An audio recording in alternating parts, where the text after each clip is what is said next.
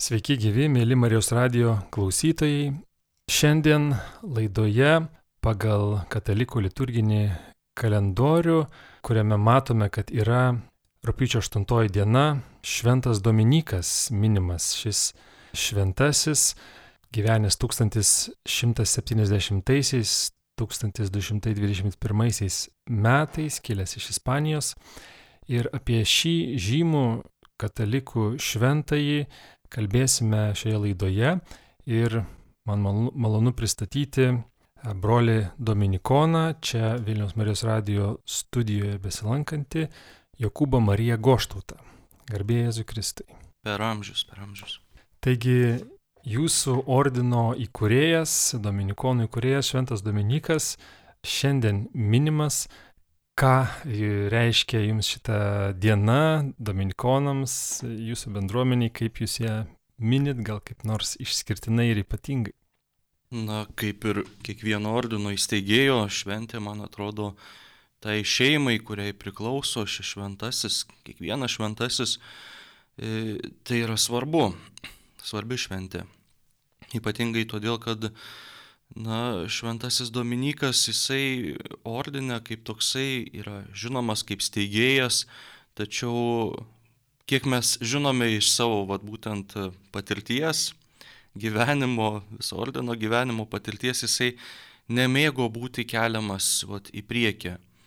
Ypatingai irgi taip pat todėl, kad jisai vat, nepaliko nei savo kažkokių gausių raštų, nei mokymų broliams, jisai tiesiog broliam kalbėjo ir brolius augino ordinę savo pavyzdžių, savo, savo bendrystės dvasia. Taigi tą šventę mes švenčiam, stengdamiesi vat, susiburti kaip įmanoma dominikoniška šeima, tiek broliai, tiek seserys, tiek dominikonai pasauliečiai, išgyventi bendrystę, prisimenant mūsų šventą įsteigėją. Kaip reikėtų tarti pirmiausia, šventasis Dominikas ar Domininkas, Dominikonai ar Domininkonai ir ką švento Dominiko vardas reiškia? Na, čia žinote, lygiai tas pats kaip klausimas tarti ar Paulius ar Povilas lietuvių tai Na, yra kaip... senasis tarimas. Atrodo, jau įsišaknyje kaip skirtingi vardai čia. Įsišaknyje, bet iš tikrųjų Petro ir Povilo bažnyčia yra Petro ir Pauliaus bažnyčia. E, taigi, e, tai iš tikrųjų tas domininkas, jisai ateina galbūt to iš tokio senojo lietuvių kalbos tarimo, nors, nes jeigu remtumės va, į tą lotynišką originalų vardą tai būtų Dominikus, ne Domininkus. E, taigi Dominikas. Ir šitas vardas, aš iš tikrųjų, man pačiam buvo įdomu pasižiūrėti, kai aš gavau klausimą, e, ką reiškia šitas vardas ir matau, kad labai daug skirtingų interpretacijų, nes pavyzdžiui, Dominikus bandoma aiškinti kaip nuo žodžio dominus, tai reiškia arba viešpats, arba šeimininkas, arba, arba valdovas, e, bet pati e, vardo reikšmė vėlgi yra interpretuojama skirtingai, arba tas, kuris e, Dievo dovanotas, Dievui dovanotas, Dievui priklausantis, arba tiesiog gimęs viešpaties dieną. Taigi interpretacijų įvairiausių yra, bet žinant mūsų šventą įsteigėją, tai ko gero jo mamos ypatingai buvo troškimas savo sūnų atiduoti viešpaties globai. Tai ko gero jį galėtume interpretuoti kaip atiduotą arba padovanotą viešpačiui. Kodėl kartais, galbūt ir klausytojai yra girdėję, kodėl dominikonai kartais vadinami viešpaties šunimis?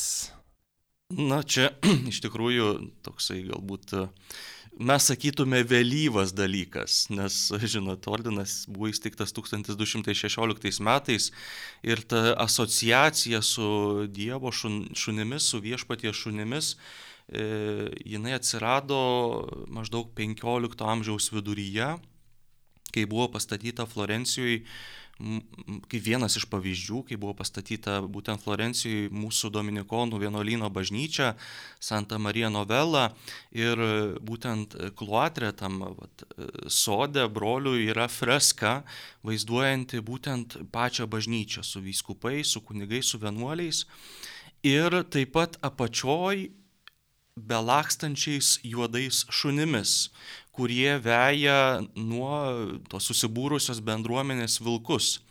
Ir būtent toksai kaip ikonografinis pavyzdys mums atskleidžia, kad jau tuo metu pradėjo plisti ta mintis, kad dominikonai kaip bažnyčios tokie sergėtojai, pamokslininkai, jie yra viešpatie šunis.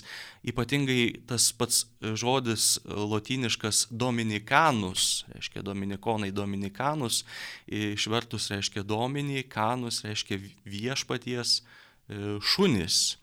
Taigi taip susiklosti, kad liaudiškai tariant, mus vadina viešpatie šunimis arba bažnyčios sergitojais. E, tačiau yra ir kažkoks legenda apie sapną, kai Dominiko motina sapnavo šunį, kai laukėsi Dominiko. Žinoma, tai būtent irgi vėlgi prisideda prie šitos, e, šito įvaizdžio Dominikonų kūrimo, kai, e, nes yra pasakojama, kad kai Dievo e, Dominiko mama, e, palaimintoji e, Joana, jinai besilaukdama susapnavo vieną naktį, kad pagimdė šuniuką, kuris bėgo per pasaulį, kaip per laukus, dantyse įsikandęs deglą ir uždegdamas tuos laukus ir jai na, bandė paaiškinti, kad ko gero va, tavo tas vaikas bus, bus tas, kuris keliaus per pasaulį ir uždegs į pasaulį, bet aišku, nenaikindamas, neraganas deginsim, bet vat, būtent uždegdamas Dievo šviesą, tikėjimo, Evangelijos skelbimu, skleidimu. Jau ne vieną kartą paminėjot Švento Dominiko motiną. E, šventasis Dominikas gimė giliai tikinčioje šeimoje. Jo mama ir brolis bažnyčios paskelbti palaimintaisiais. E, jo kitas brolis buvo kunigas. Tokioje tikinčioje, nuoširdžiai ir šventai gyvenančioje šeimoje Dominikui galbūt buvo bepigu tapti šventuoju. Ką reiškia ir kokią įtaką padarė ta jo aplinka, artimieji ir, ir nežinau, auklėjimas ir tikinčios šeimos e, aplinka. Na, apie tą ankstyvąjį, ankstyvąjį Dominiko gyvenimą mes galbūt nelabai daug ką žinome, bet e, aišku, aplinka, šeimos aplinka kūrė būtent tą galbūt maldos ir tikėjimo gyvenimo atmosferą, kurioje augdami vaikai, būtent e, ypatingai matydami tėvų pavyzdį, troško gyventi tuo pačiu tikėjimu ir štai vat, po truputį, truputį po truputį jie atrado patys savo kelią tikėjime pirmiausia, paskui ir bažnyčioje tarnaujant jai. Mūsų tėvo Dominiko brolis Manes, palaimintasis Manes, jisai e, taip pat tapo Dominikonu, buvo ordino brolis. Popiežius Benediktas XVI vienoje savo audiencijoje kalbėjo, kad Šventasis Dominikas iš esmės prisidėjo prie bažnyčios atnaujinimo. Kuo jis prisidėjo? Man atrodo, apskritai e, tuo metu atsiradę elgetaujantis vadinamieji ordinai, kaip pranciškonai, dominikonai, e, jie galbūt atnešė bažnyčiai dar kitą, kitą žvilgsnį tikėjimą, keliavimą būtent ėjimą per tą tokį didžiulį paprastumą. Ir, na, šventasis Dominikas, jisai gyveno tuo laikotarpiu, kuomet, vad būtent ypatingai tuose kraštuose, per kuriuos jis keliavo savo misijose, dar prieš įkurdamas ordiną, pamatė, kad bažnyčios pasitikėjimas bažnyčia silpsta. Ir tas, tos plintančios erezijos, katarai arba tyrieji, jie tarsi būtent buvo vat būtent toksai kraštutinumas einant į nuotikėjimo, būtent ieškant to tyrumo, nes ko gero, vat būtent šitas kontekstas įrodė, kad bažnyčioje pačioje buvo daug to netyrumo ir po, ypatingai po, po Šventojo Dominyko, ta pirmoji brolių karta, kuriai priklausė, pavyzdžiui, Šventasis Albertas Didysis, liudyja jų pačių gyvenimas, kad jie gyveno labai sudėtingų laikotarpių. Bažnyčioje, nes, pavyzdžiui, Albertas paskirtas Ratisbonos arba Regensburgo vyskupų, jisai turėjo pakeisti vyskupą, kuris, na, atvirai pasakius, buvo labai prisidirbęs ir Ir atrodo, e, šiandienos kontekste tokie dalykai yra girdimi, kaip pavyzdžiui, e, seksualinis išnaudojimas, tai vad tas vyskupas buvo šituo e, nusidėjęs ir buvo nušalintas paties popiežiaus ir jį pakeitė Albertas Didysis, kuris sudėjo labai daug energijos būtent atkuriant atkuriant pasitikėjimą bažnyčią ir ypatingai auklėjant, ugdant kunigus ir ir taip pat e, dalindamasi savo žodžiu su ganytojais. Taigi tas laikotarpis nebuvo lengvas ir man atrodo skirtingais istorijos laikotarpiais e, bažnyčia vat, būtent gauna tuos šventuosius, kurie ją tarsi sugražina prie šaltinių. Ja ne tai, kad e, kažką nubraukia ir stato naują, bet gražina prie esmės, prie, prie Kristaus, prie, prie Dievo artumo, prie troškimo, vad būtent, kad gyvenimas būtų autentiškas. Dar vienas toksai, kaip labai trumpai apie Švento Dominiko, vat, būtent iniciatyvą įkurtą mūsų Dominikonų ordiną, tai kad e, mūsų ordinas jisai vat, būtent tame galbūt feudališkame kontekste ir laikotarpyje, kuomet jau prasidėjo toksai troškimas išsilaisvinimo nuo feudalizmo, Dominikonai savo pačią struktūrą atnešė į bažnyčią demokratinį valdymą. Tai būtent e, mūsų ordino kapitulos, provincijų kapitulos, e, pats, pats, pati vienuolynų struktūra, vėlgi tas kalbėjimasis, tas, tas, tas kūrim, kūrimas, statymas namų bendrystėje ir pamokslavimas tokiu demokratišku principu jau kažkas buvo tokio, kitokio, kas buvo įnešta į pačią bažnyčią ir paskui galiausiai ir pačius bažnyčios, bažnyčios teisinę struktūrą. Paskutinė, aišku, svarbiausia reforma, kad reikia prisiminti, kad tuo laiku, ypatingai vat, istorijoje prieš tai ir Dominiko jaunystės laikais, tai pamokslavimas buvo rezervuotas tik tais ganytojams, tai reiškia vyskupams ir ypat išskirtiniu atveju e, popiežius galėdavo suteikti teisę pamokslauti ir paprastiems vat, vienuoliams, e, dvasininkams. Taigi, e, įkuriant pamokslininkų ordiną įvyko reforma, nes būtent dominikonams buvo suteikta, taip, taip sakant, išskirtinė teisė keliauti ir pamokslauti viskupijose ir apskritai visoje bažnyčioje. Taip, ir jūs, dominikonai, vadin, esate vadinami pamokslininkų ordinu, daug skiriate dėmesio pamokslavimui, o kaip, kaip šiais laikais, nežinau, jaučiatės, vis pasigirsta ir raginimų nepamokslauti, tiesiog netiesiogiai ne, ne, ne bažnyčioje, bet netgi yra toks žodis e, nepamokslauk, žodžiu, kaip priekaištas, e, arba skatinami pamokslai, kad būtų kuo trumpesni. Galbūt e, dabar jūs išgyvenant kokį nors prieštarą, juk sakoma, kad pavyzdys labiausiai įkvepia ir moko su šventosios dvasios veikimu kartu, o ne pamokslavimas. Kaip jūs jaučiatės dabar šiais laikais, būdami pamokslininkų ordinu? Na, nes negaliu sakyti, kad jaučiamės atgyvena. Aš irgi taip nesakau, bet e, galbūt kartais pasigirsta taip. Tai, tai žinoma, tas e, žodis pats pamokslavimas, jisai nu, turi, yra įgavęs tą tokią e, neigiamą prasme, kad reiškia, pamokslauti reiškia moralizuoti.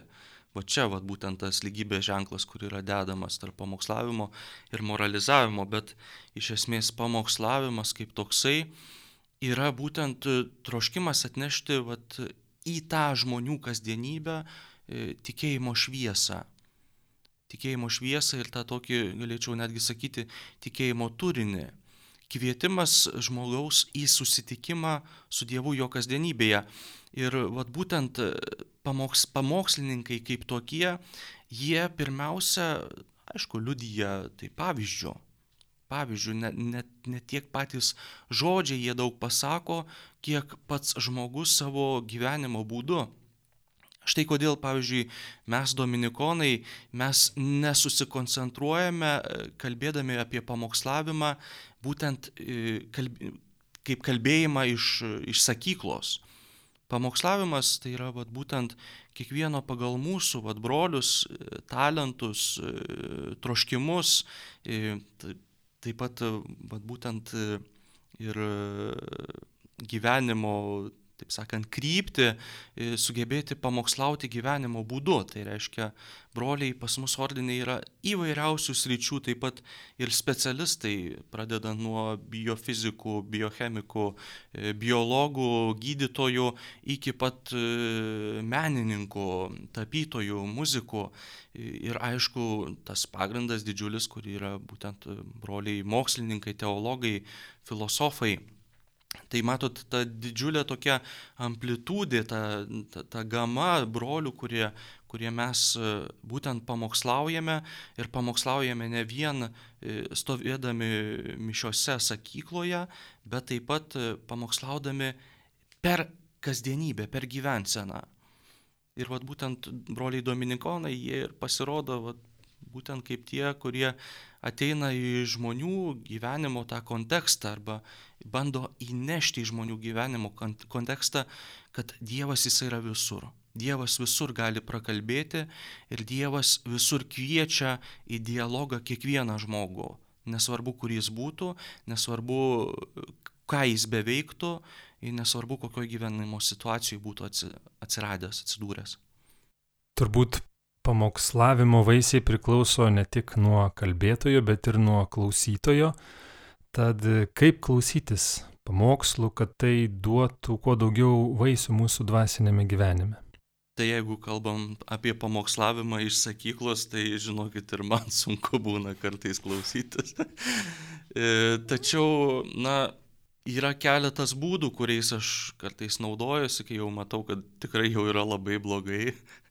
Tai, sakant ar klausant? Klausant. Sakant irgi būna, kad pasidaro nuobodu, bet labiausiai tai klausant, tai e, iš tikrųjų toksai galbūt vidinis nusiteikimas, kad vis tiek žodis, kuris yra skelbiamas, vis tiek kažką galiu rasti savo. Vis tiek kažkur turi būti žinia, žinutė, žodis, sakinys, e, frazė, įvaizdis, kuris yra skirtas būtent man kaip vat, vienas Prancūzijoje, kai gyvenau, brolis sakydavo, kiekvienam pamokslė gali rasti kasnelį, reiškia, pamokslas yra didžiulis duonos kepalas ir tu vis tiek kažkokį kasnelį gali pasiimti savo. Taigi, nu, kartais būna, kad tiesiog nieko nebūna, bet nors buvo iniciatyva, nors išklausiau iki galo ir, na, vat, likau susikoncentravęs. Ir, nu, tiesiog toks žiauriai praktiškas dalykas, tai tiesiog pasiimti bloknotą ir pasikonspektuoti, ką sako, ką, apie ką kalba, kokius įvaizdžius naudoja ir taip toliau. Tai liek, tiesiog susikoncentravimo dalykas, bet šiaip, na, vat, pamokslavimas tiek kalbant, tiek klausantis, jisai labai priklauso nuo širdies žmogaus. Jeigu atvira širdimi yra pamokslaujama, tai jeigu yra klausomasi taip pat atvira širdimi, tai pokalbis užsimesga tikrai. Ar gali būti vaisių iš pamokslavimo ne tokia atvira širdimi, bet klausimo atvira širdimi? Ar e, net ir tada gali vaisiai subręsti ir būti? Na, vis tiek kažkas tai lieka.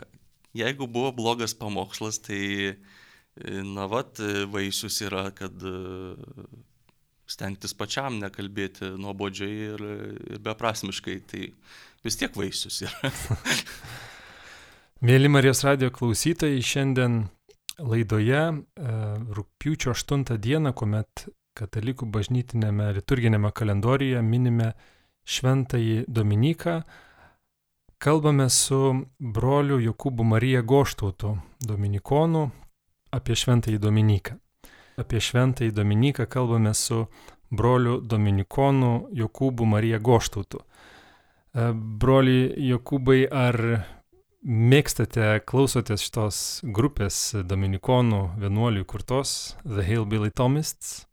Na, iš tikrųjų, pats grupės stilius, tai jie yra country tokie dainininkai, ypatingai, kad daugelis iš brolių, brolių dainuojančių toj grupėje yra iš Kentucky, mhm. reiškia, iš Teksaso. Tai šiaip aš keletą brolių dainuojančių toj grupėje netgi pažįstu asmeniškai, mes buvom su vienu broliu gyvenom tam pačiam vienuolyne Romoje, jisai studijavo patrologiją, doktorantūrą darė, o brolis Tomas Joseph White, kuris yra galbūt netgi, galėčiau sakyti, steigėjas tos grupės, dabar yra Angelikum universiteto Romoje rektorius. Taigi, matot, Mažas par... pasaulis. Mažas pasaulis, bet tai vėlgi parodo, kad broliai, na, va, gali būti didžiuliai tokie mokslininkai, rektoriai, žinai, profesoriai ir taip toliau.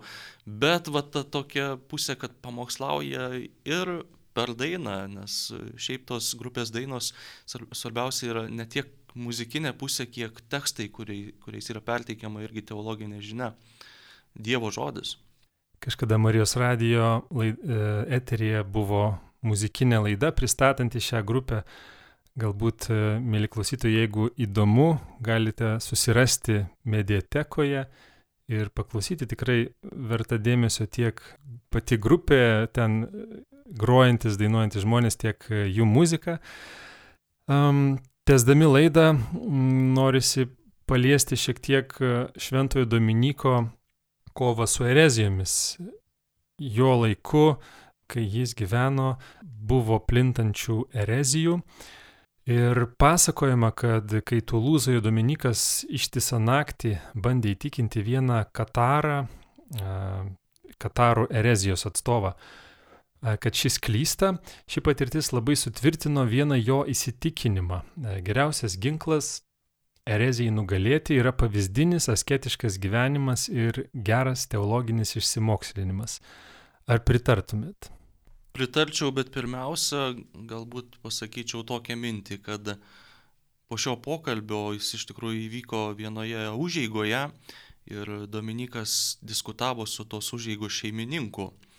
Ir tai, ką pirmiausia jisai suprato jau ryte, e, tai kad būtent geriausias būdas pamokslauti yra pokalbis. Nes jisai kalbėjosi su juo. Ir vad būtent, kai tuomet prieiname prie šito pavyzdinis asketiškas gyvenimas, teologinės žinios ir taip toliau, išsilavinimas, jeigu nėra troškimo kalbėtis, dalintis, tai visa tai lieka tiesiog, tiesiog lieka pliurpalais.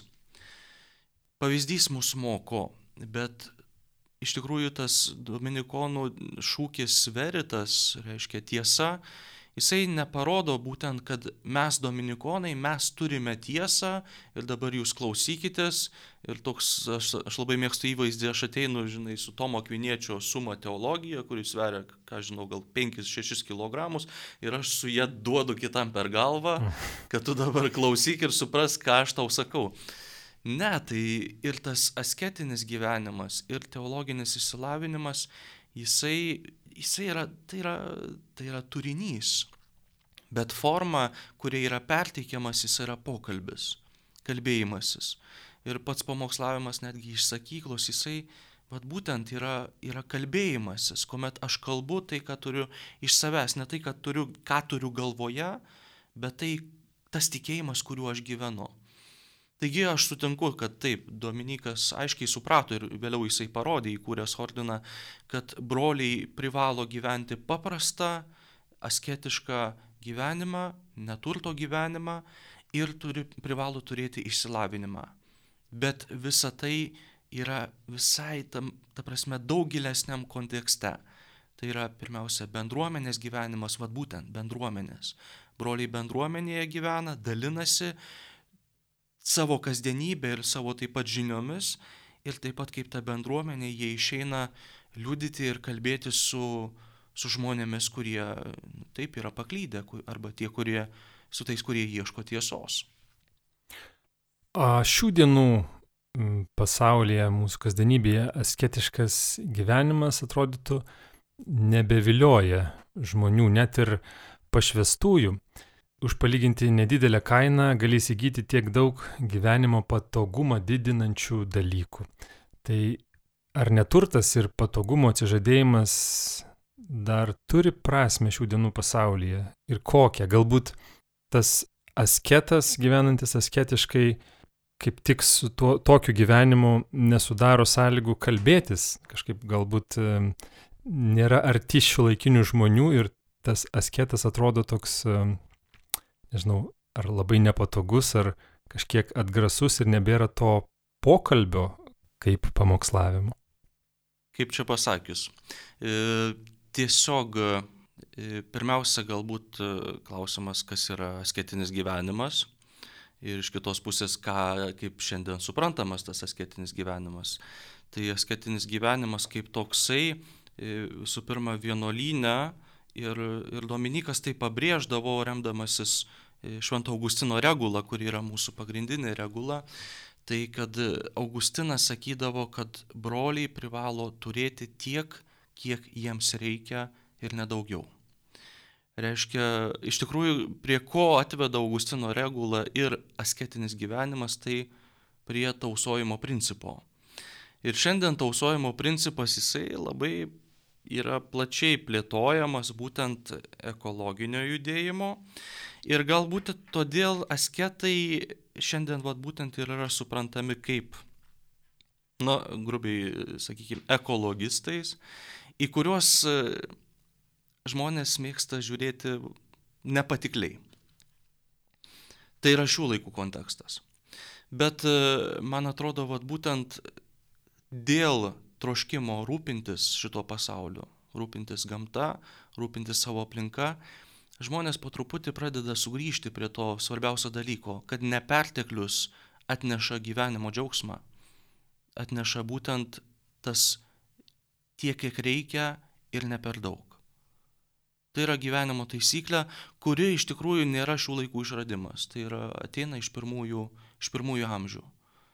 Kaip gyveno krikščionis, paskui atsirado vienuolinės bendruomenės. E, jos gyveno, galiausiai dominikonai, pranciškonai atsirado.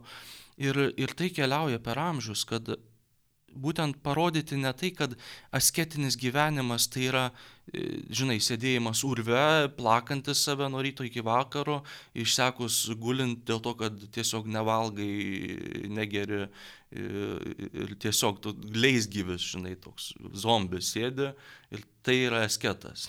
tai visiškai tai nereiškia to. to labiau mane pasižiūrėjus, niekas nepasakytų, kad aš čia labai pasninkauju. Bet vad būtent tas principas, būtent turėjimo tiek, kiek reikia ir ne per daug. Turėjimo tiek, kiek yra tas užtektinumo vėlgi principas, kuris, man atrodo, kalba šiandienos pasaulyje bet galbūt tiesiog bandoma, nelabai suprantam, ką jisai reiškia. Ar asketizmas tikrai yra pabėgimas nuo visko, ar tai ir vat, būtent taikymas išmintingo kasdienio gyvenimo savo, savo, savo kelioniai. Šiaip tikrai labai aiškus atrodytų principas ir klausimas savo, ar man šito reikia, nežinau, ką nors norint įsigyti, tiesiog e, turėti tiek, kiek reikia ir nedaugiau, bet praktiškai atrodytų, gali net nežinot, reikia man šito ar nereikia. Ar sunku šitą klausimą užduoti kasdienybei, sprendžiant, e, nežinau, kasdienius dalykus, ar to man reikia? Na, visų pirma, paprastas principas, nueini parduotuvę, pamatai, kas tau patinka, labai užkabina akį, tu galvoji, kad tau labai šito reikia, ir tu nepirk, pareik namo ir po savaitę sugrįžk. Tiesiog, matot, mes gyvename tokiame... Jeigu savaitė praėjo, reklam... reiškia nereikėjo, išgyvenai. Jo, išgyvenai, žinai. Ir to labiau, kad reklamos kultūra, jie stengiasi parodyti, kad tau tikrai šito reikia. Tik tais tiek, kad paskui nusipirkęs parsineši ir po dviejų dienų nesupranti, ką tu su šito daiktu darysi, arba supranti, kad tau iš vis jo neprireiks, arba pasinaudosi vieną kartą ir jisai paskui galiausiai stovės padėtas. Tai tiesiog man atrodo, vat, būtent tas užtektinumo principas, jisai e, moko išmintingai išlaukti. Jeigu tikrai, ta prasme, nu, būna, kad tiesiog, nu, nebegali, tai prasme, taip nori, taip yra blogai, savaitę laiko nemiegi ir taip toliau, Na tai galbūt tai parodo, kad e, tu nori užpildyti vietą, kuri, kuri visai nedaiktas turi užpildyti šitą vietą. Arba galbūt teisingai tau šito daikto reikia, bet e, paskui, kad nebūtų taip, kad išmesi. Bet jeigu nori, nori nereiškia reikia. Tačiau nėra tas principas toks jau labai ribojantis, kad noras irgi yra poreikis. Galim ir taip e, sakyti, taip galvoti. Mhm. Žinoma, e, tik tais tai, ar tai yra gyvybinis poreikis. Žinai, mūsų gyvybiniai natūralūs poreikiai yra e, pavalgyti, pamiegoti, ta prasme, atlikti gamtinius reikalus, tai yra gyvybiniai poreikiai, o visi kiti dalykai, tu, nu, turėti stogą virš galvos, žinai, kad neperšaltum, ne, nesusirgtum ir taip toliau, bet visi kiti dalykai yra, iš tikrųjų, ir matai, kad yra šalutiniai dalykai. Ir valgyti, nepersivalgyti vėlgi yra klausimas. Taip, labai įdomu apie e, Šventą Dominiką, kalbant iš tikrųjų, jo mokymas ir jo įkurtas ordinas, e, kaip gyvena dabar ir kaip sprendžia va tokius regulos klausimus kasdienybėje. E, laida jau eina į pabaigą. Būtų dar įdomu ir daugiau kalbėti, bet galbūt paskutinis klausimas šiandien. Ką daryti, kad ir mumise atsirastų toks troškimas skelbti Evangeliją, tokia misionieriška ugnis, kokia degė Šventojo Dominiko širdyje? Žinai, e, kai jaunuolis arba jau pakeliavęs, taip sakant, gyvenimo kelionę žmogus nusprendžia stoti į pamokslininko ordiną, E, dažniausiai yra sakomas toks dalykas, kad tai yra ne profesija. Žinai, atrodo yra, nu, pasižiūri laikraštį arba skelbiu.lt, vat yra ieškomi pamokslininkai Dominikonų ordinui. Gerai, kad šito nebūna.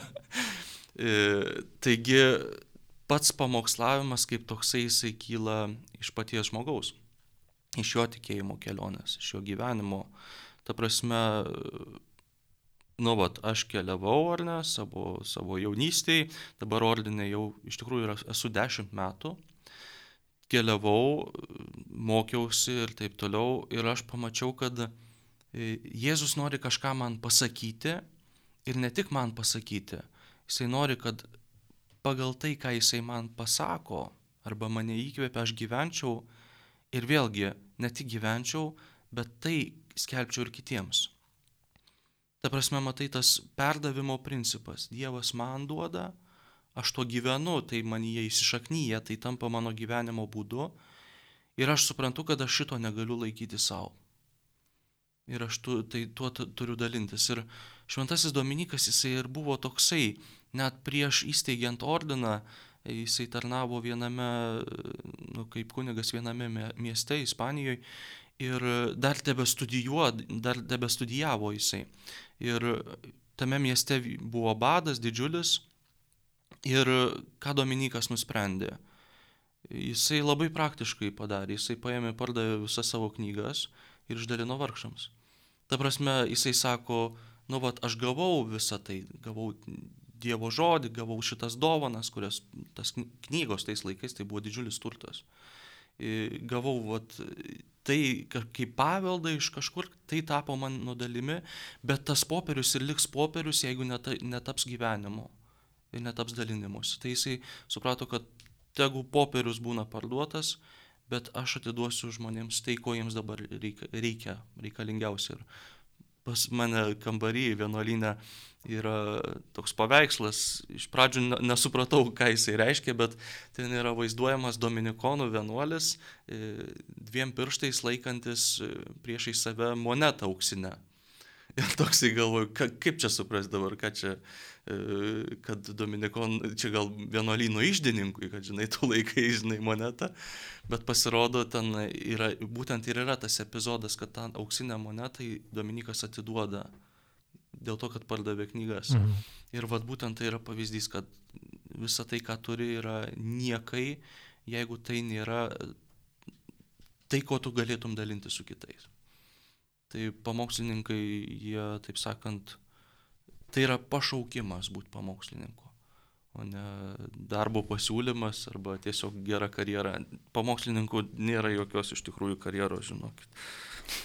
Karjera šventėti, Šventėti. tapti šventu ir, mėly klausytojai, brolis Jokūbas Marija Goštautas išplėtė pamokslavimo supratimą laidos pradžioje, taigi galbūt kiekvienas galime kažkaip pamokslauti savo gyvenimu, savo pavyzdžiu, nuostatomis ir pasirinkimais.